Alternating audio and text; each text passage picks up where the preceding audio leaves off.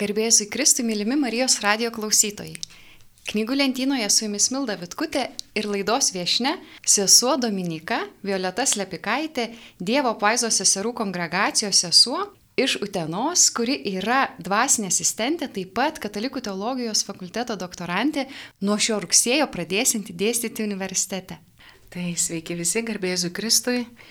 Ir e, džiugu čia būti ir kartu dalintis įžvalgomis su gerbiama taip pat dėstytoja ir savanorė Marijos radijo Milda Vitkute. Šiandien mes kalbamės apie labai įdomią knygą. Knyga vadinasi Laikas mirti paskutinės vienuolių gyvenimo dienos. Knygą išleido Katalikų pasaulio leidiniai ir jos autorius yra gana žinomas asmo Prancūzijoje, Nikola Dija, kuris yra išleidęs nemažai knygų su kardinolu Sara apie tylą, apie Dievo artumą. Šis žmogus yra žurnalistas, rašytojas, labai netrumpą savo gyvenimo laiką leidžiantis pas benediktinus, jų vienuolynuose bendraujate su jais, besimeldžiantis su jais. Ir iš šios draugystės su benediktinais ir kilo knyga Laikas mirti apie Tai kaip vienuoliai pasitinka mirti, kaip vienuolynuose atrodo paskutinės vienuolių gyvenimo dienos.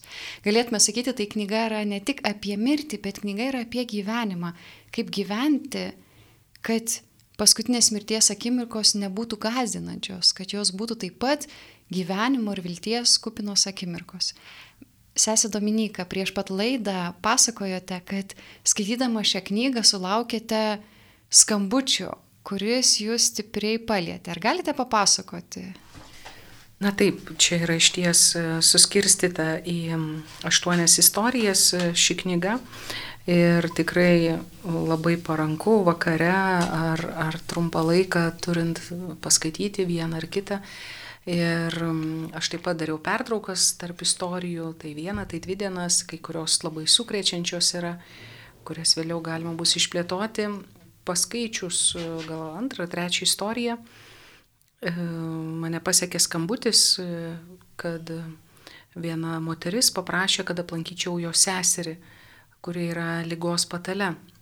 Sesuo, toji sesuo yra mano beveik bendramžė ir serganti vėžių ir jau mirties patale, besverianti tik 30 kg turbūt, akidobės ir skeletas matosi visas ir, Ir tai buvo mano atostogų laikas, nes aš dirbu dvasinė asistentė socialinėje globos namuose, bet kaip sesuo neturinti atostogų. Ir, bet vis tiek tai yra ir emocinis krūvis, maždaug apmeldinėjau šią situaciją prieš einant gal vieną dieną. Ir dar kartą sesuo paskambino kitą dieną ir klausė, sako, ar jūs buvot pas mano seserį. Sakau, na, ne į krikštynas einu, sakau, turiu pasiruošti ir, ir, ir apmelsti, ir pagalvoti, ir nurimti, ir viduje, ir turi pas tokį ligonį eiti labai, na, išsigryninęs ir, ir ramus. Ir, ir tikrai teko susitikti ir dvi savaitės lankyti kiekvieną dieną Ir kaip tik skaitau šią knygą apie tai, kaip broliai išlydi savo brolius vienuolius ir su kokiais iššūkiais susiduria. Ir, ir, ir man teko būti labai realiai, labai apčiuopiamų būdų šalia sąmoningai iškeliaujančios moters, kuri jau paleidusi šį gyvenimą ir su kuria mane tikrai labai asmeniškai palėtė, mes meldėmės ant amžinybės lenkščio kartu laimindamos ir atiduodamos Dievui jos šeimos, sūnus, seseris, su kuriomis jinai labai nuostabų ryšį turėjo, dėkojom už gyvenimą ir kartu meldėmės Dievę, štai aš esu pasiruošusi. Tai, tai toks dviejų savaičių kelionė, toks etapas ir kartu e, gera buvo matyti, kad, e, kad pacientė rimsta, Ir tikrai kaip reikia to suraminimo, kad tai yra perėjimas, tai yra perėjimas į kitokį gyvenimą ir siela yra amžina. Ir, ir jinai turi ryšį ir su artimaisiais anapus. Ir, ir kad tai bus atskleistas ryšys su Dievu. Ir taip pat pirmam susitikimui pasėmiau rožinį, kurį atvežė bičiulė iš Medžiagorijos. Na, galvoju, pasimsiu, nežinau kokia situacija, ką, kaip bus. Ir, ir, ir ta moteris jau sunkiai galėjo šipsotis, reikšti emocijas, bet mes dar kalbėjom pilnai iki pat, iki pat mirties. Ir aš sakau, na žinot, sakau, nežinau, ar jums, kaip jūs melžiatės, na, aišku, sunku ir, ir tos elementarius potyrius net kartoti. Na ir aš įsitraukiu rožinį ir jai duodu, tai buvo labai viena stipriausių emocijų išreikštų per tas dvi savaitės akis nušvito ir šypsena atsirado ir sako, aš kaip tik norėjau prašyti, kad man surastų ir atneštų na, namuose. Tai ir tada aiškinau apie tai, kad sakau, jeigu nėra jėgų melstis, sakau, tai paimkite kryžių į rankas, va, kryželį rožinio. Ir Dievas žino, pažįsta troškimus, e, ilgesi mūsų ir ilgesys, kai nėra jėgų melstis, ilgesys yra malda. Ir atsimenu, ateinu kitą dieną, sakau, kaip jūs, sako, buvau paėmus rožinį rankas. Tai va, tai, tai tikrai tai buvo toks labai realus prisilietimas, gyvas, palydint, įsiterpiant, skaitant šią knygą. E, tai, nu, taip tikrai apvaizdiškai, net praktiškai, na, va, tu atrodo skaitai istorijas, štai tau, štai tau istorija ir štai tau patirtis.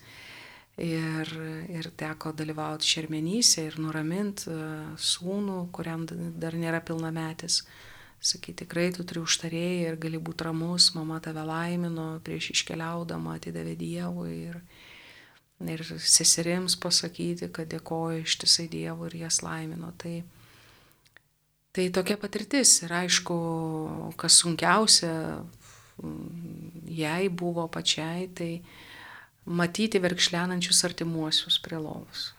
Tai buvo sunkiausia, kai virkščiai reikia Ne tai, kad sakau čia šau ar cirko kažkokio, bet reikia viltingo žodžio apie amžinybę, liudijančio žodžio apie Dievą, apie jo tikrovę, apie jo realumą, apie tai, kad jis yra gyvasis Dievas.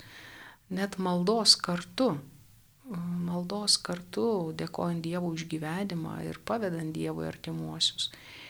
Tai labai realiai apčiopiau tą giliausią troškimą e, ligonio sąmoningo, kuris sąmoningai iškeliauja 43 metų. 44. Tai iš ties, na, galiu pasakyti, lankant tokius ligonius, net ir artimuosius, reikia nebijoti ir įsivertinti, jeigu aš negaliu padėti jam pasiruošti iškeliauti. Tai va kaip, kaip viena iš seserų, kuris skambino man, tai sako, aš negaliu padėti, bet aš ieškau, kas galėtų padėti. Mhm. Sako, man per jautru padėti, tai natūralu, nes tai yra artimiausias šeimos narys. Tai mm, jeigu negalit padėti pasiruošti ir per jautru, tai amžinybėn, tai reikia nebijoti ieškoti dvasinio asistento ar kunigo ar vienuolio, kuris galėtų ne vieną kartą aplankyti ligonį ir, ir paliudyti apie dvasinę tikrovę amžinybėje, kuri yra tikrai tikrovė ir gyva tikrovė. Tai, na ir man tai buvo kelionė ir turėdavau ir pasimelsti nemažai, nes ir, ir aš esu trapų žmogus ir, ir, ir kai tai yra bendra amžė beveik, tai, tai labai paliečia irgi taip pat. Ir, ir, ir kyla kažkur pasąmoniai, kodėl, ar klaustukas, ar daug taškis, ar kablelis e, su klausimu, ar ne. Tai Tai yra kelionė kartu ne tik pacientui, bet, bet kartu ir tam, kuris lanko. Ir tai yra augimo kelionė. Ir atsimenu, kai man paskambino, kad jinai jau iškeliavo jiem žinybę, ta moteris, tai net nuėjau koplyčią melstis ir savaime pradėjau dėkoti. Na va, paminiu ten, tarkim, pakeičiau vardą, tarkim, astą. Na va, Ir tu mane pamokiai, ir tu buvai mano mokytoja. Mokytoja, kaip palydėti žmogų. Tai gimė tokia širdies padėka Dievui ir aš jaučiausi jos mokinė. Kad Dievas mane per ją mokė realaus palydėjimo iškeliaujant žmogui. Tai, kas aprašyta čia, tai buvo reali praktika.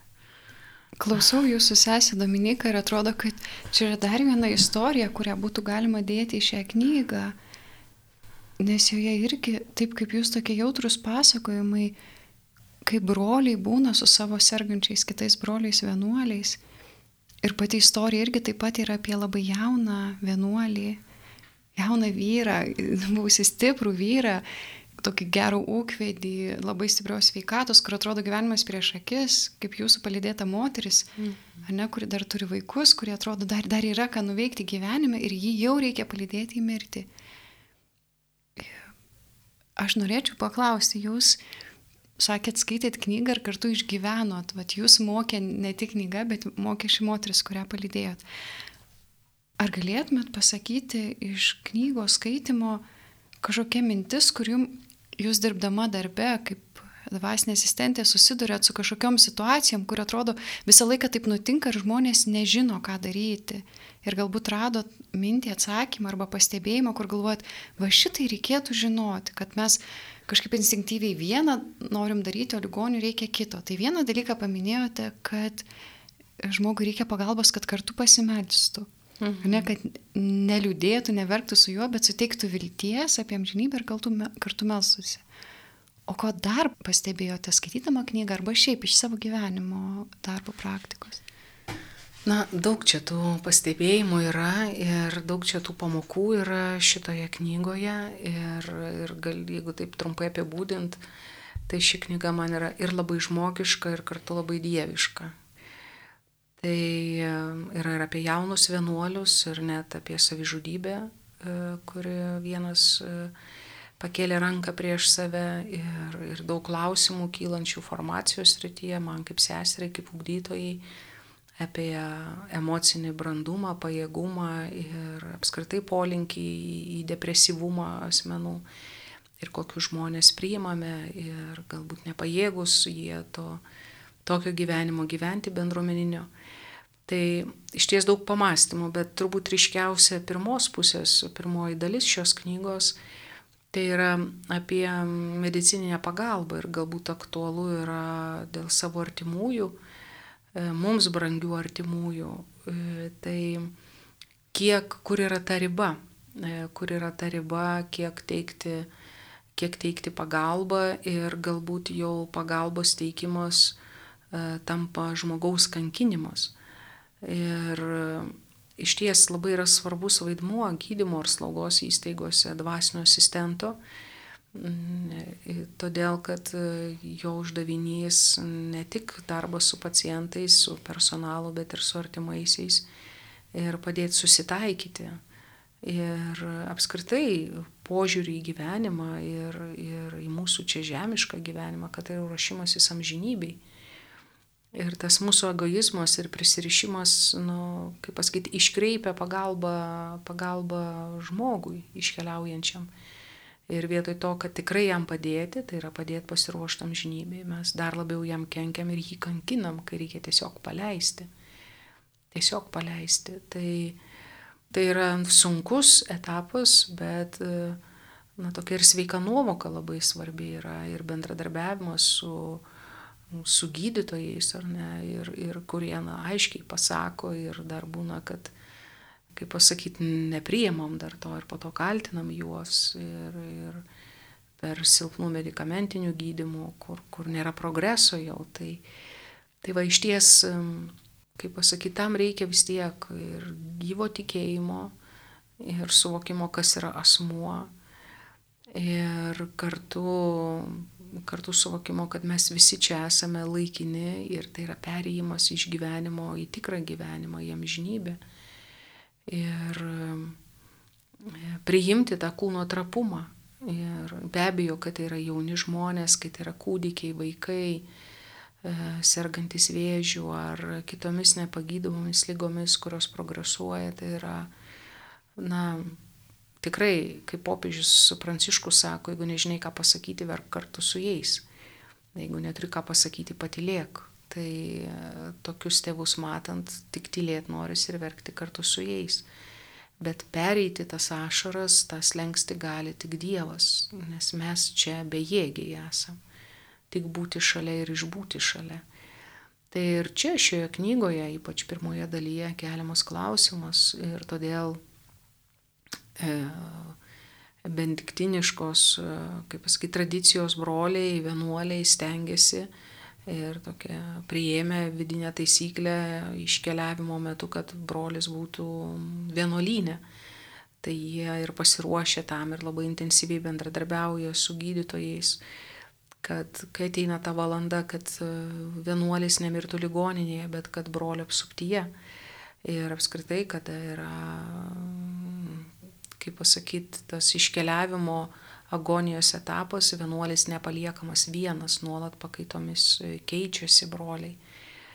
Tai yra ypatinga benediktiniškos tradicijos išraiška, e, nepertraukiama malda vyksta. Tai, bet yra ir čia taip pat istorijų, kur broliai nepaleidžia brolio ir supyksta, kodėl jis iškeliavo taip anksti arba negalėjo būti kažkuris iš brolių, kurie prisiriša jį slaugydami, kur per naktis e, būdėdavo šalia lovos ir, ir ilgai truko, kol, kol, kol paleido tą brolį.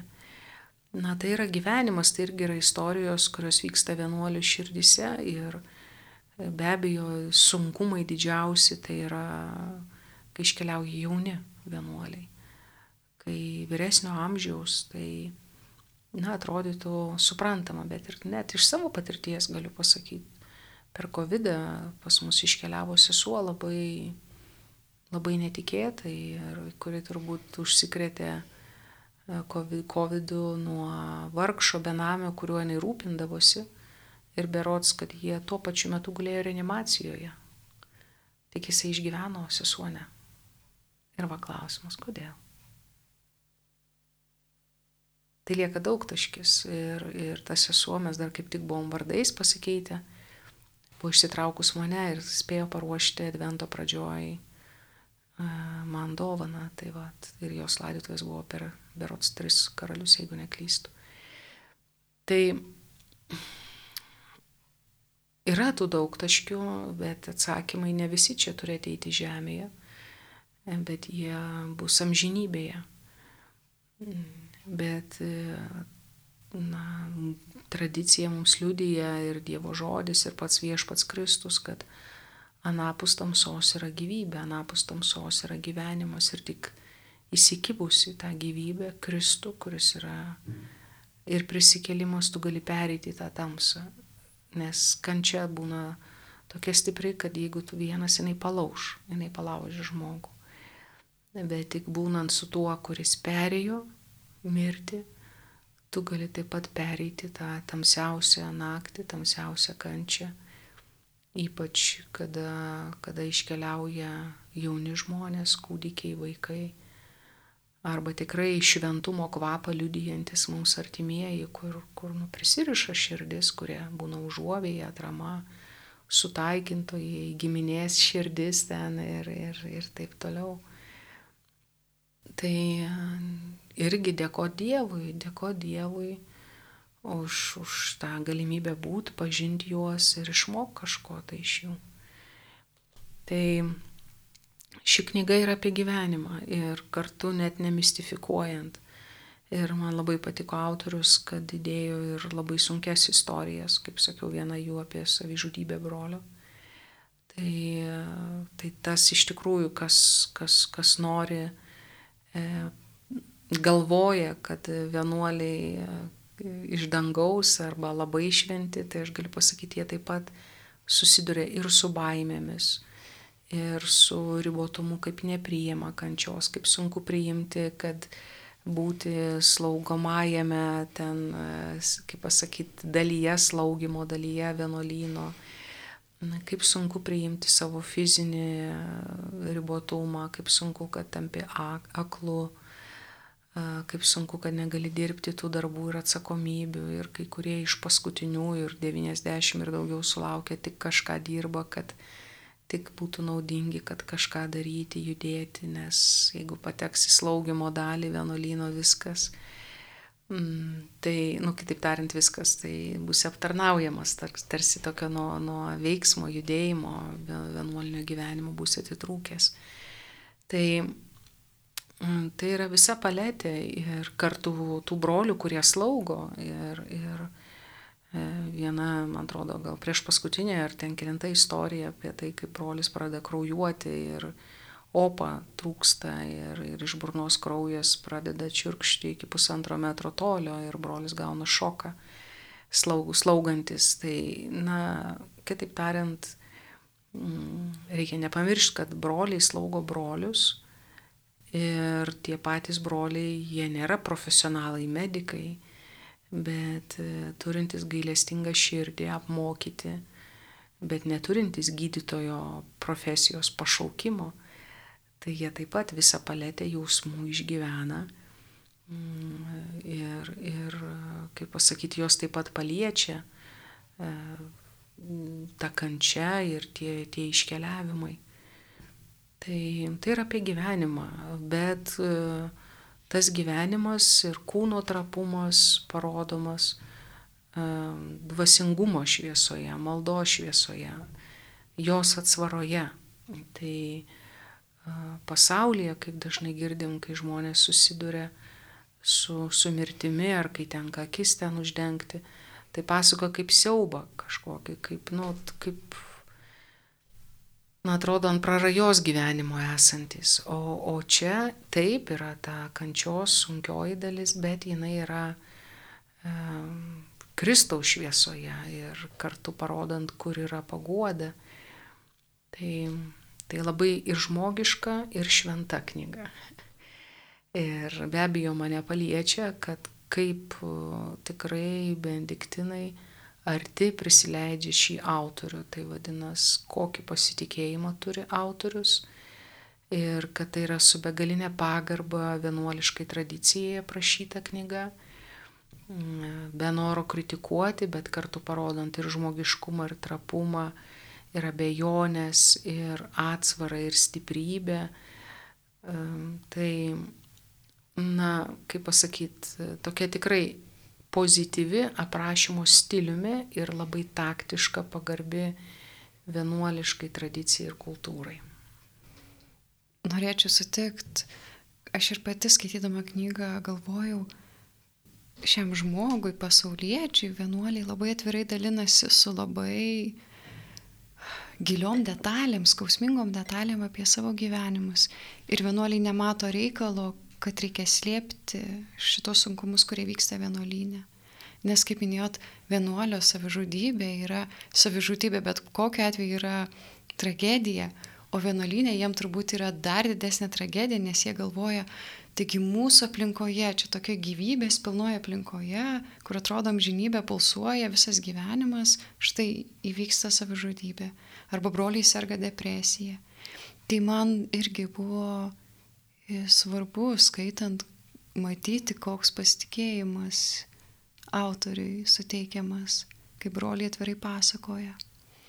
Gal jeigu trumpai apie šią knygą, čia yra istorijos, aštuonios istorijos ir kiekviena iš jų prasideda vienuolino prašymų, kur stovi vienuolynas, kokia aplinka, kada jis įsikūrė. Tokia trumpa istorija, kaip lik nupiešiamas paveikslas. Jūs esate skaitytojai įvedami atveriami vienuolino vartai, tiek istoriniai, tiek gamtiniai, viso kraštovaiščio vartai, papasakojami brolių gyvenimai, kokie čia broliai, koks jų amžius, koks jų skaičius, kiek čia laiko gyvena.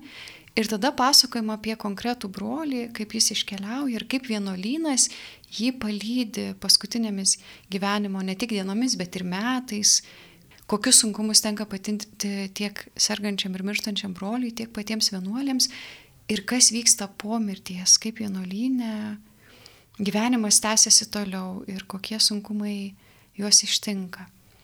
Prieš šią laidą nuėjau į leidyklą paklausti, kaip sekasi parduoti šią knygą, ar žmonės perka. Ir sakė, kad ateina tokių, kurie gavo rekomendaciją.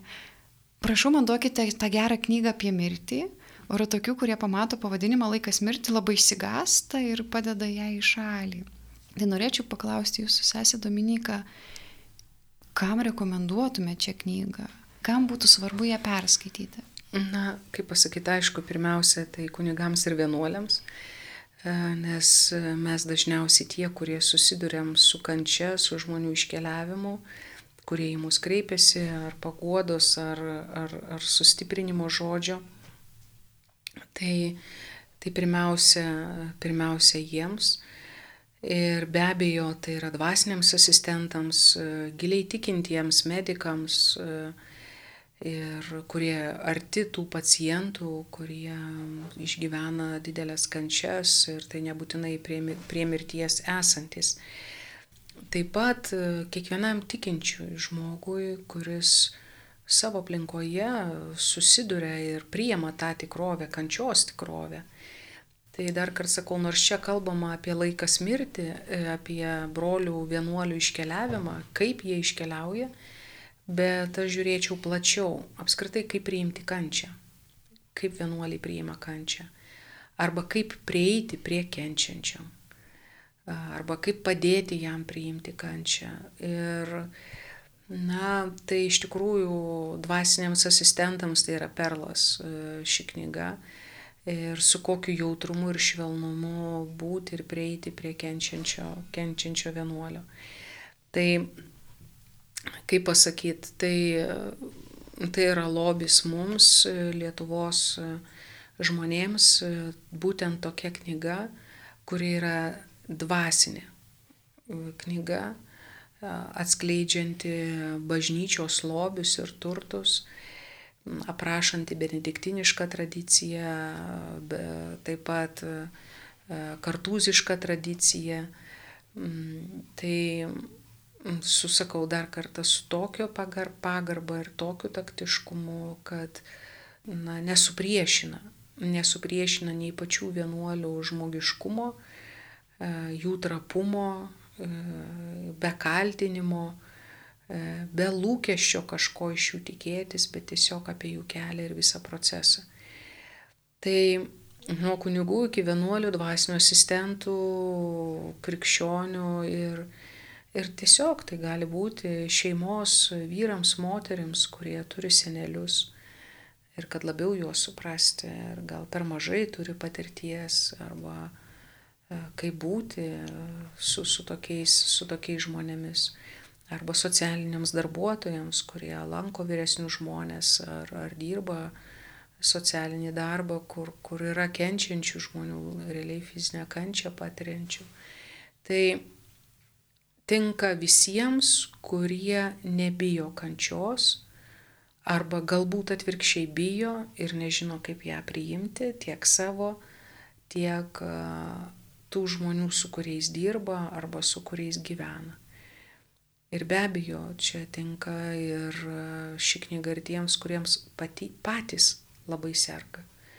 Ir patys gali atrasti save to vienuolio vaidmenyje ir sakyti, o, aš taip pat taip galvoju, aš taip pat taip jaučiuosi. Va, o kas man padėtų, o kaip man pereiti šį etapą. Tai, tai galima žiūrėti labai plačiai į šią knygą, nuo darbuotojo pozicijos, dvasinio asistento, kunigo, pašvestojo iki, iki paties paciento. Ir tikrai aš jau rezguminti, kaip, kaip jų įsigyti didesnį tiražą, vienuolynę ir nes tikrai nemažai žmonių ateina, kurie nori pasikuosti, kurie slaugo sunkius artimuosius labai ir, ir kuriems galima būtų duoti, dalinti ir, ir dovanoti ir skolinti. Tai tikrai galvoju apie tai. Sutinku, kad slaugančiam žmogui labai tinkama šitą knygą arba pačiam, kuris pats kokią nors lygą savyje atradai, gavai, įsigijai šiuo metu ir labai sunku tą priimti. Ir turbūt, kad kai patiri pats skausmą, kančią, pradedasim nusivilti, nes atrodė čia aš toks pikus praktikuojantis krikščionis, o štai staiga mane taip greit paklubdo bent kažkoks pakentėjimo momentas. Tai man pačiai irgi yra gyvenime tokių momentų ir skaitant apie vienuolius, kurie atrodo kiekvieną dieną paskiria šlovinti viešpatį, vykdyti jo valią tiek malda, tiek darbu, bet ir jie bijo, kai skauda. Ir kad ir jiem baisu būti vieniem, kai jiem labai labai stipriai skauda. Tai iš vienos pusės supratimas, kad tokioj situacijoje išgyventi baimę tai yra labai normalu ir labai reikia, kad kažkas pasakytų. Ir net jeigu aš esu tikintis ir vis tiek man baisu mirti arba kentėti skausmą, jausti skausmą, kad tai yra normalus dalykas. Tai ši knyga tiesiog padeda priimti, kad, ai, tai tikrai, tai šitas mano žmogiškumas, jis niekur nedings su mano tikėjimu, jis nedings ir man reikės su juo gyventi. Ir čia nieko blogo manyje dėl to, kad taip nutinka. Bet kitas dalykas man buvo labai svarbus. Tai visas liudijimas apie slaugančių vienuolių artumą, kaip keičia kenčiančio žmogaus buvimą. Kad tiesiog buvimas kartu, kad kažkas nuolat su tavim būna, palaiko tave už rankos ir kaip sakėt, kad padeda melstis, nes kai labai stipriai, ką nors skauda, labai sunku melstis. Bet jeigu kažkas šalia kalba žodžius, tiesiog veda maldoje mhm. už rankos. Ne, tas sunku melstis, tai mes įpratę galbūt e, galvoti, kad tai yra tikėjimo išbandymas arba aš jau netikiu, bet gali būti sunku melstis tiesiog dėl pačio skausmo stiprumo. Taip. Kad didelis fizinis skausmas ir psichika sunkiai tai pakelia ir tiesiog daug lengviau pereiti šį etapą, kai šalia kažkas meldžiasi. Tai va ta pagalba ir meldžiantis yra labai svarbi. Ir kitas dalykas, kurį noriu akcentuoti, e, melsti šalia mm, ligonio, tai nebūtinai tai, kas man patinka, bet labai yra svarbu ta pagarba ligoniui sužinoti, ką jisai mėgo melstis, kaip jisai mėgo melstis, kokią maldą mėgo jeigu jis pajėgus e, pasakyti, paklausti, o kaip tu norėtum, o ko tu norėtum. Tai, na, kaip pasakyti, neužbombarduoti su savo dvasingumais ir, ir, ir galbūt ten tradicinis katalikas, o aš charizmatas, nu, tai žmogus išsigas, jeigu aš pradėsiu charizmatiškai melstis. Gal jam tiesiog užtenka Jėzaus širdies litanijos ir viskas. Tai, vat, Tai tas irgi labai yra svarbu ta etika ir pagarba lygoje esančiam, jeigu įmanoma, iš artimųjų arba jo paties sužinot, o kas jam patiko, ko jis norėtų. Tai aš taip pat, kai, kai lankiau vat, šią knygą skaitydama tą pacientę, tai, tai paklausdavau, kaip jinai nori, ko jinai nori. Tai sakau, ar galim savai žodžiais, galim, už ką tu nori melstis, nu, už artimuosius, ar tu nori pati ar man, tai tu jūs sakydavo, na gerai, tai aš savai žodžiais dėkoju Dievui už jos gyvenimą, už artimuosius vaikus, vardus sužinojau, laiminom, e, tada jos vardu Dievo akivaizdoje melsdaus Dievę, atiduodu tau savo gyvenimą, aš esu čia pasiruošusi, e, kai ateis laikas, priimk mane, kad regėčiau tavo veidą. Tai ir, ir po to neprašydavau taip melstis, o būtent taip aš Atsimenu, buvau malda knygę nusinešus, viską ne. Norėjo savai žodžiais, vad būtent kaip tą kartą melžiaus ir toliau norėjo, kad vat, apžvelgtume Dievo akivaizdoje gyvenimą ir už jį dėkotume ir laimintume brangius žmonės. Tai, kaip pasakyti, kartais norisi kažką pačiam įsikipti, nes labai nesaugu e, būti šalia mirštančio ir, ir, ir atvirai melstis. Bet nu, tam turi pasiruošti, vat, nurimt, pasiruošti ir tikrai eiti su Dievu, nurimęs, ramus ir klausytis, ko tam žmogui reikia, nes nesavim užbombarduoti, uždusinti su savo dvasingumais, bet, bet ko tam žmogui reikia. Tai jai reikėjo to ir jinai po to laukdavo ir, ir mes taip melsdavomės. Tai, va, tai, Tai klausyti, tai yra nesaugu galbūt tam, kuris ateina, nežinai ko laukti, nes nu, ne litanija melsis, ne rožantėlį melsis, bet kartu tai yra tikra, nes žmogus pasako, kaip jam patinka, ko jis nori. Tai va, tai čia labai yra svarbu malda prie ligonio, jeigu įmanoma, kiek įmanoma sužinoti, kas jam patiko, ko jis norėtų, ką jis anksčiau melsdavosi Mm, tai va, tai kaip pasakyti, nevengti tos maldos savai žodžiais, labai paprastai, žmogiškai, nes, nu, tai yra tikrumas. Aš nieko prieš sveika Marija ir tėvė mūsų ir litanijas, bet jos gal pradžioj, gali būti ar pabaigoj, bet būtinai turi būti ta tokia užtarimo malda arba kartu malda Dievo akivaizdoj, ligonio vardu. Tai nuoširdį, paprasta,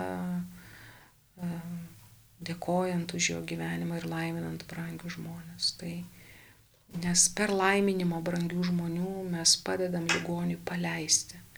paleisti šį pasaulį ir pačiam jau labiau artėti prie Dievo. Tai, tai irgi, kaip pasakyti, toks palydėjimo momentas, jisai na, labai svarbus. Man labai patinka, dabar jūs kalbate apie tai, kad ligoniui reikia paleisti šį pasaulį. Ir šitą knygų buvo irgi pasakojimai apie vienuolius, kur broliai sako, mes jau matom, kad jam reikėtų paleisti, bet jis negali. Jis laukia, laukia. Ir, pažiūrėjau, vienas brolis laukia, kol atvažiuos mama, kad su jie atsisveikintų. Ir tada, kai atvažiavo, tik tada jisai numirė. Ir čia svarbus momentas, kad mums reikia išmokti paleisti. Na, taip, yra tas žodis reikia, bet uh, aš šiandien galiu sakyti taip, turiu, reikia, turiu tai padaryti, bet kai ateina ta valanda, gyvūnas yra neprognozuojamo šoko pozicijoje, tai žmogus tuo labiau galiu pasakyti. Tai mes tik tais galim e, malda dabar, ne veltui yra bažnyčioje melst laimingos mirties, palaimingos mirties. Tai e, mes dabar galim tam ruoštis ir taip pat, va, benediktiniškoje tradicijoje yra, kad kiekvieną dieną e, nepamiršti, kad šis pasaulis yra laikinas ir ruoštis amžinybei kad ateis laikas mirti, kitaip tariant, jau dabar gyventi tą laisvę ir tuo perėjimu. Ir toliau ten e, rašoma, kad tai šis pasaulis tai yra nuolatinis novicijatas, ne, ir kurį tu keliauji jam žina taip, susitikimu su viešpačiu. Tai taip, reikia paleisti, bet kai ateis ta valanda, mano manimu, labai yra svarbu išmintingi žmonės, kurie bus šalia, kurie padės tau, nes Žodis reikia taip, bet kai ateina ta valanda, tai būna labai skirtingai.